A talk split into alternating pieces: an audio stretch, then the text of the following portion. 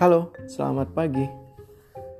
Habis subuhan tadi saya sempat uh, merenung, baca-baca cari referensi dikit terkait satu istilah agnostik. Uh, kenapa ini menarik?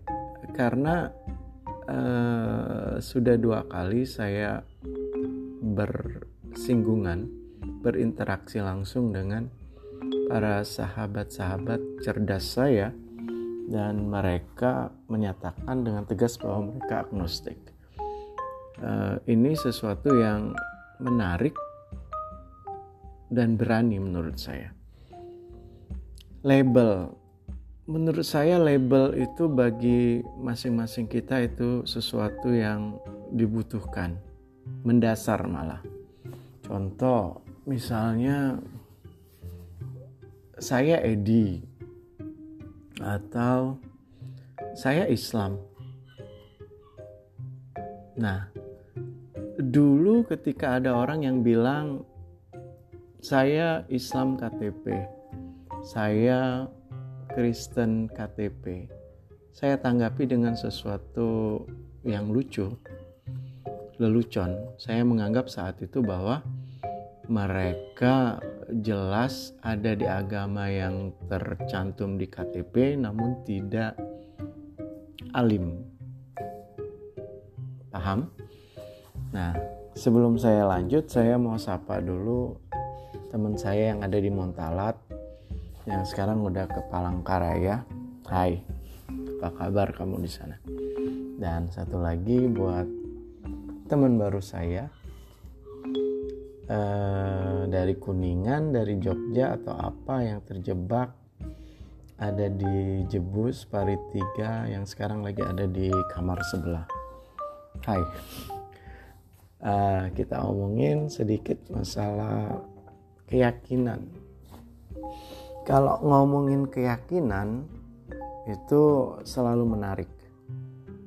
Punya magnet besar untuk uh, diulik lebih jauh namun terkadang pembicaraan soal pandangan agama atau keyakinan bisa menimbulkan konflik. Karena apa? Di banyak kasus kedua pihak yang berdiskusi merasa posisi mereka yang paling benar. Keakuannya besar dan terkesan malah mengunderestimate pandangan yang berasal dari seberang mereka memanglah kedewasaan dibutuhkan ketika kita mau membahas sesuatu yang prinsipil. Karena apa?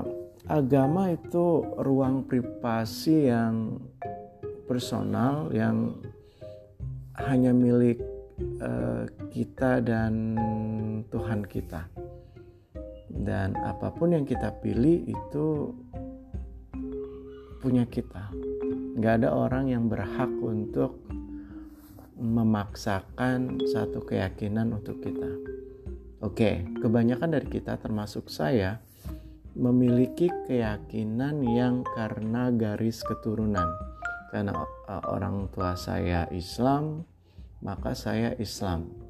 Dan ketika saya berada di lingkungan Islam, uh, saya hanya meneruskan dan menggali, menjalankan perintah-perintah dalam Islam sampai ke titik saya merasa dekat sama Allah Subhanahu wa taala. Namun ada lagi yang saya salut ketika ada orang yang lahir di uh, satu agama dan dia mengandalkan nalar untuk mencari tahu tentang beberapa pilihan agama dan pada satu titik mereka menentukan agama terbaik yang sesuai dengan apa yang membuat jiwa mereka nyaman. Nah, balik lagi ke agnostik. Sebenarnya apa itu agnostik? Ini suatu pandangan atau kepercayaan bahwa ada atau tidaknya Tuhan merupakan sesuatu yang tidak diketahui jadi tak ada nalar yang mampu untuk menguak ini.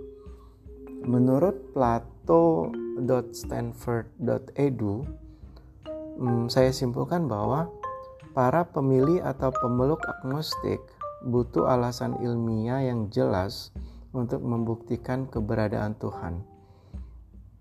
Nah, agnostik di sini nggak sama dengan ateis, walau banyak dari kita yang terjebak dan dengan sederhana dan langsung menyatakan sama, no value at all. Ateis lebih ke tidak percaya kepada Tuhan, malah lebih parahnya lagi menolak keberadaan Tuhan, walau mereka menyaksikan beberapa bukti-bukti yang ada dalam kehidupan ini, di dalam alam semesta. Hmm, tidak mengikuti agama apa pun, tapi dekat sama Tuhan. Bingung nggak? Konsep seperti apa ini sebenarnya? Terkesan mau enaknya saja, nggak mau do a certain rituals agar pintu dialog dengan Tuhan yang dicari ada.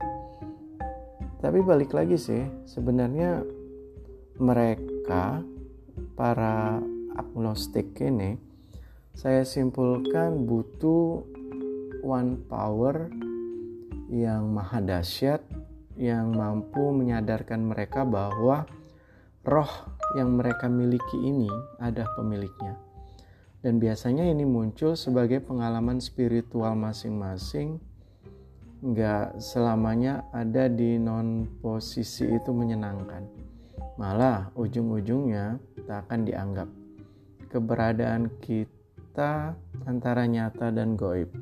Jadi kalau saya bisa bilang sih mending mm, menentukan sikap, segera belajar dan kaji semuanya secara komprehensif sehingga waktu yang kamu butuhkan untuk menentukan pilihan terbaik untuk keluar dari agnotis agnostik ini cepat dan orang akan lebih paham dengan label yang kamu miliki. Oke, okay? nah, uh, agama semuanya mengajarkan ke arah kebaikan. Hmm, namun, tentunya kita harus dengan tegas memilih ketimbang kita being fake palsu, merasa agnostik, namun tidak berani secara terang-terangan membiarkan dunia tahu, karena kita tinggal di Indonesia dan kita wajib memiliki satu pedoman, satu agama. Dari sekian banyak pilihan, kita harus memilih, dan saya rasa langkah yang dipilih untuk mencantumkan satu agama yang memang kita tidak in ke dalamnya, ke dalam KTP itu sesuatu yang uh, cemen, nggak gentle. Kenapa juga uh, kalau memang kita merasa agnostik, ya udah umumkan ini kepada seluruh makhluk di dunia biar jadi kayak bahan aja biar kita kepentok ter terkondisikan untuk segera memilih agama mana yang memang harus kita perjuangkan, harus kita dalami dan harus kita kaji. Ya. Nah, oke. Okay. Hmm, bagi saya sebenarnya agnostik dipilih oleh orang-orang yang belum siap berkomitmen belum siap menghambakan secara penuh keseluruhan dirinya kepada Tuhan. Mereka masih terbilang hmm, terlalu mengandalkan nalar mereka yang menurut saya otak mereka masih perlu diberikan asupan banyak referensi, banyak diskusi, banyak pembelajaran agar semakin mengkerucut. Karena konsep agama adalah e, menjadi arahan kita untuk bisa menjadi baik. Karena dalam agama punya aturan-aturan walaupun memang di posisi posisi luar sebagai agnostik itu juga uh, ketika mereka mampu mengandalkan akal, mereka tahu kok mana yang baik, mana yang benar. Namun balik lagi bahwa kita butuh media, kita butuh ruang, butuh cara, butuh pintu bagaimana kita bisa berdialog dan berinteraksi langsung dengan kekuatan maha goib tersebut Tuhan kita dengan cara yang memang sudah diajarkan. Nah, saya mau coba baca hmm, satu artikel dari orami.co.id. Di sini dikatakan bahwa agnostik berada di tengah-tengah antara percaya dan tidak percaya kepada Tuhan.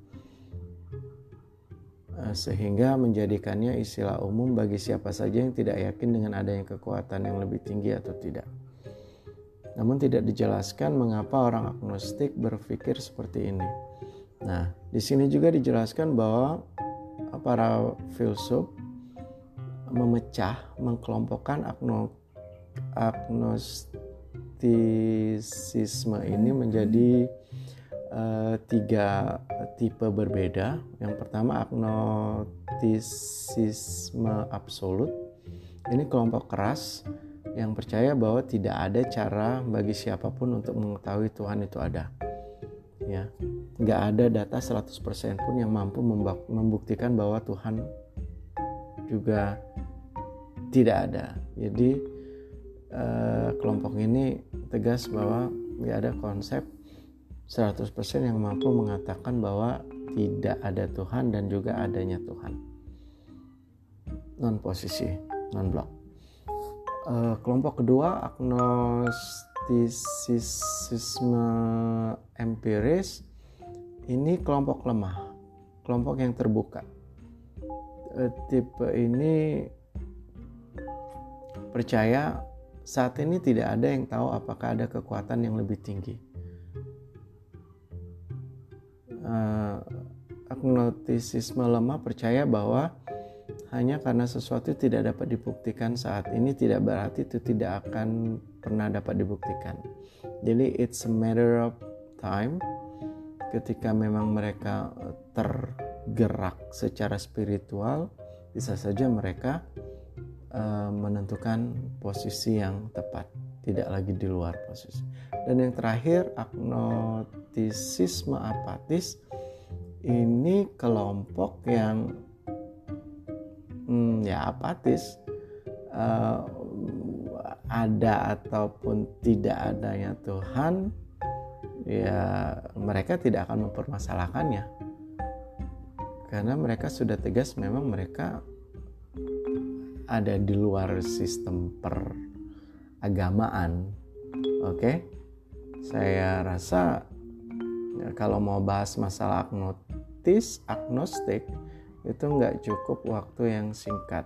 Kalian bisa browsing bisa eh, baca-baca lagi sumber-sumber dan hmm, saya akhiri uh, dengan pesan bahwa uh, agnostik bisa saja sebagai tempat transit kalian sebelum kalian menentukan arah pulang kalian. Uh, saran saya jangan terlalu lama, jangan terlalu nyaman ada di posisi atau di di situasi transit karena kita butuh tempat kembali. Oke. Okay?